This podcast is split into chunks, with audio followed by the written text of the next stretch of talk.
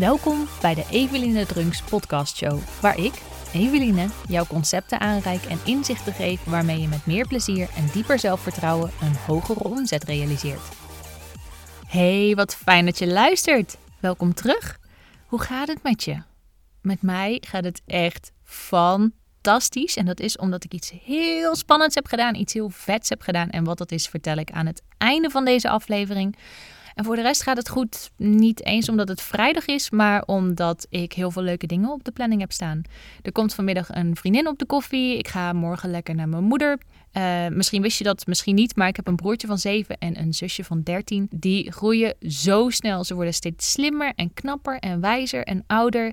Dus mijn vriend en ik maken er echt tijd voor vrij om eens in de zoveel tijd in de auto te stappen, anderhalf uur te rijden en lekker op de koffie te gaan en bij te kletsen. En te genieten van de connectie met mijn broertje en mijn zusje. En voor de rest, ja, deze aflevering ik wil het met je hebben over de drie pilaren als basis voor de groei van jouw bedrijf. Dit is iets wat ik onbewust al drie jaar doe voor mezelf, waar ik onbewust al anderhalf jaar ondernemers mee coach. En nu heb ik het in woorden kunnen gieten. Vanmorgen werd het opeens allemaal duidelijk en ik dacht, ik ga er meteen een podcast over maken. En de reden voor deze aflevering is tweeledig. Aan de ene kant wil ik je meenemen in mijn missie en mijn visie, mijn manier van coachen. En aan de andere kant wil ik je presenteren aan de mogelijkheid: hallo, dit is de mogelijkheid dat ondernemerschap niet alleen maar kommer en kwel is, maar dat als je er een fijne balans in vindt, dat het ook heel leuk en uitdagend kan zijn. Dus ik neem je mee in die drie pilaren en ik geef heel veel concrete voorbeelden van wat er gebeurt als er een disbalans is tussen die pilaren. Zoals altijd, laat je niet misleiden door de eenvoud. Ik doe altijd mijn best om concepten zo eenvoudig mogelijk te vertellen.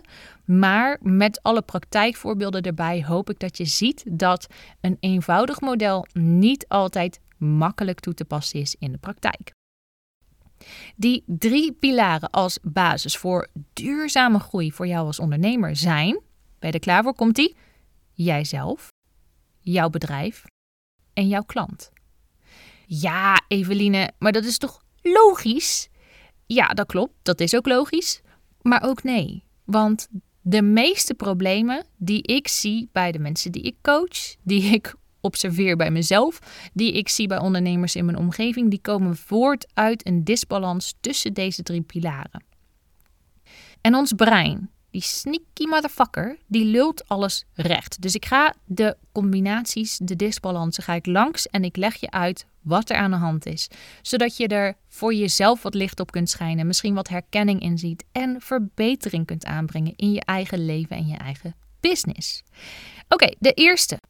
Als jij 100% zou focussen op je bedrijf, dan hou je jezelf voor de gek, want je hebt geen klanten en je verliest jezelf. Dus er is geen geld, er is helemaal niks, er is alleen een bedrijf.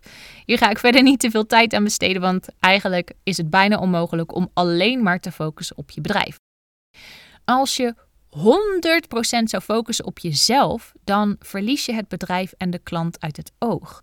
En gek genoeg heb ik hier toch wel een tijdje in gezeten. Dat was nodig voor mij. Dus ik breng een kleine nuance aan. Ik heb het al in eerdere afleveringen verteld. Mijn eerste jaar van het ondernemerschap stond in het teken van overleven.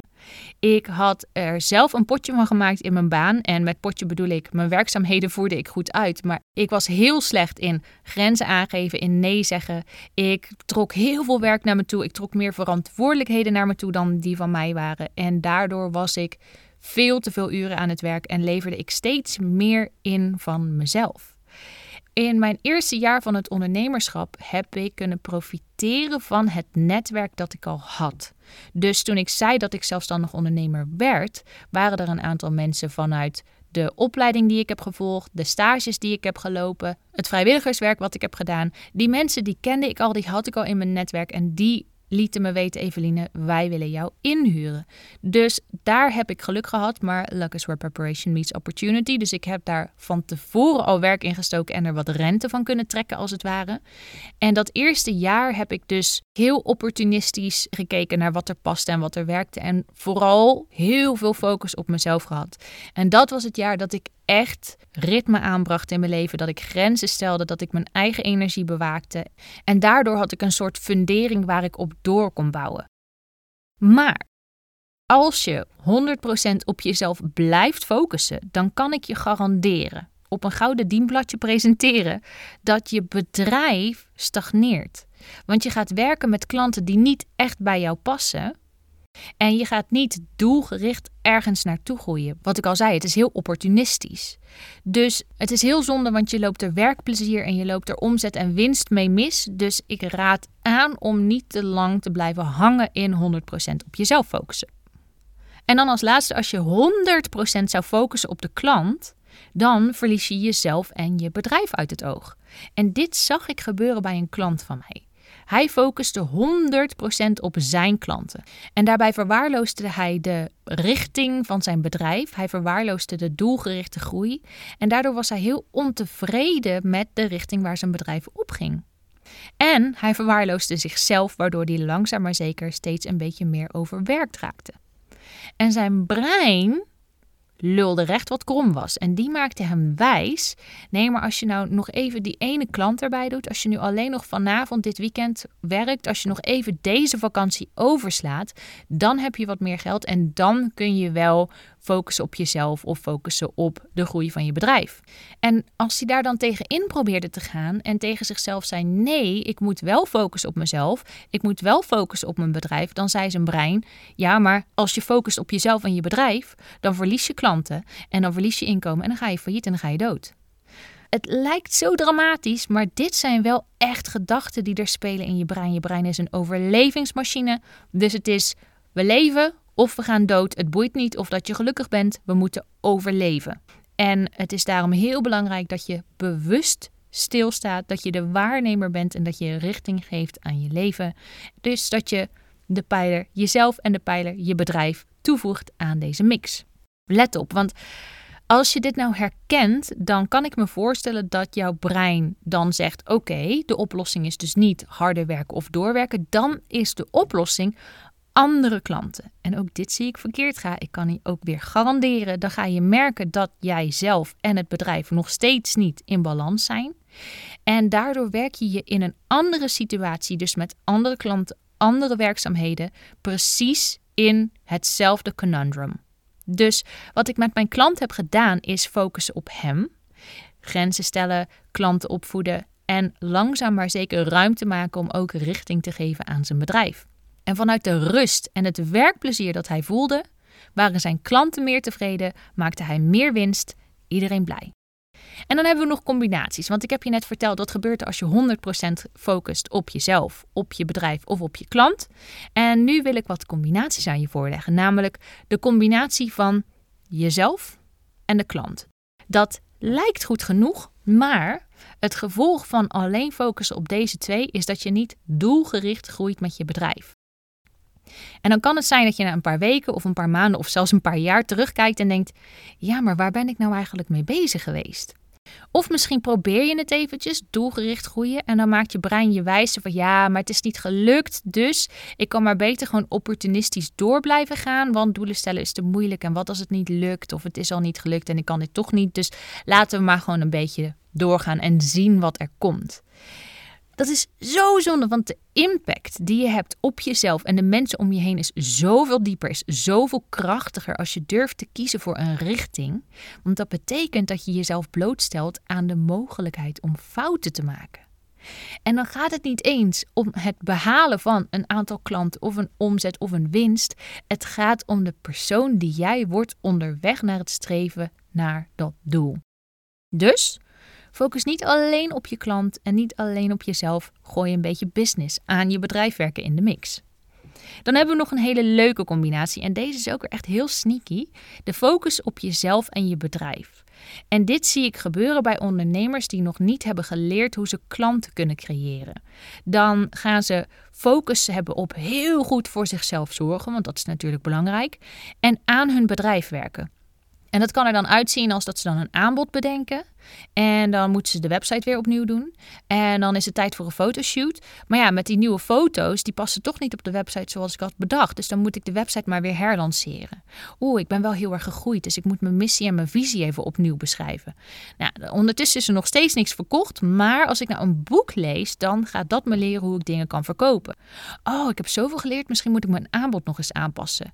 En ik moet wel zichtbaar zijn op social media. Maar ik weet niet hoe ik moet verkopen. Ik weet alleen hoe ik zichtbaar moet zijn. En ik heb nou nog steeds niks verkocht. Dus misschien moet ik gewoon een kantoor huren waar ik mensen kan uitnodigen. En dan krijg ik klanten. Of een cursus. Ja, zeker. Ondertussen denkt het brein dat er groei plaatsvindt. En ja, dan is het natuurlijk weer tijd voor een nieuw aanbod. En dit, dit voorbeeld is totaal niet om die ondernemers te bashen. Het is om te laten zien wat er gebeurt als je de klantpijler mist.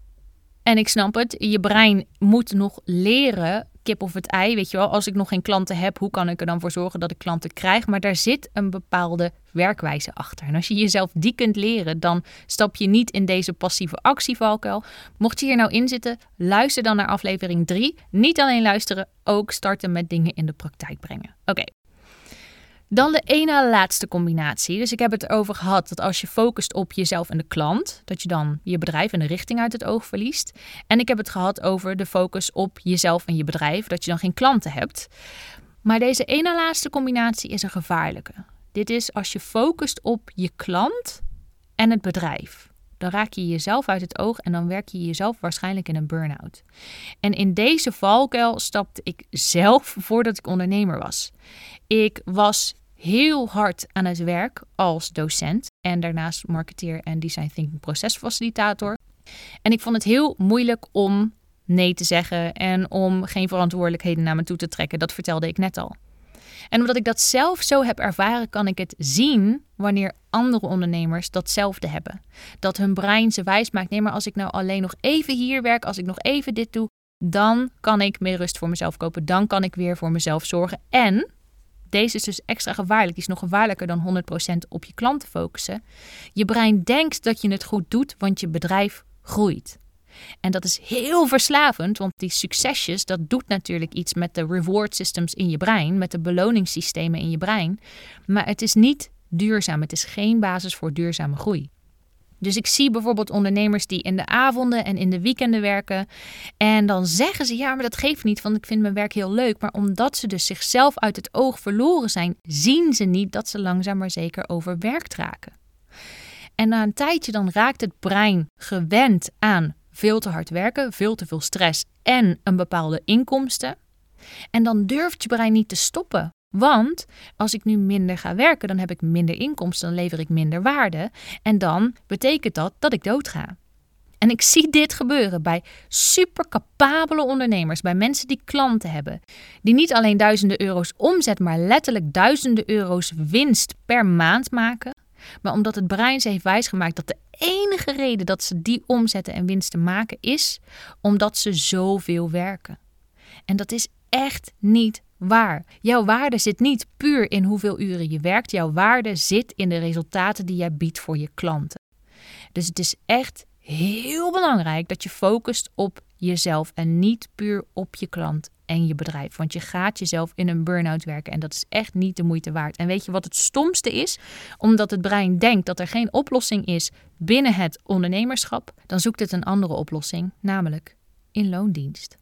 En er is niks mis met loondienst. Mijn vriend die werkt in loondienst. Het is een echte corporate tijger. Hij zou ook nog niet moeten ondernemen. Dat is geen probleem. Maar als je ergens voelt dat je ondernemer bent, maar je brein je wijs maakt dat je niet capabel bent om te ondernemen, omdat je de pijler jezelf uit het oog bent verloren en geen grenzen kunt stellen en je klanten niet opvoedt, dan is dat echt een gemiste kans. Dan is er nog één laatste gouden combinatie, if I may say so myself. En dat is dan natuurlijk Focus op jezelf, focus op je bedrijf en focus op je klant.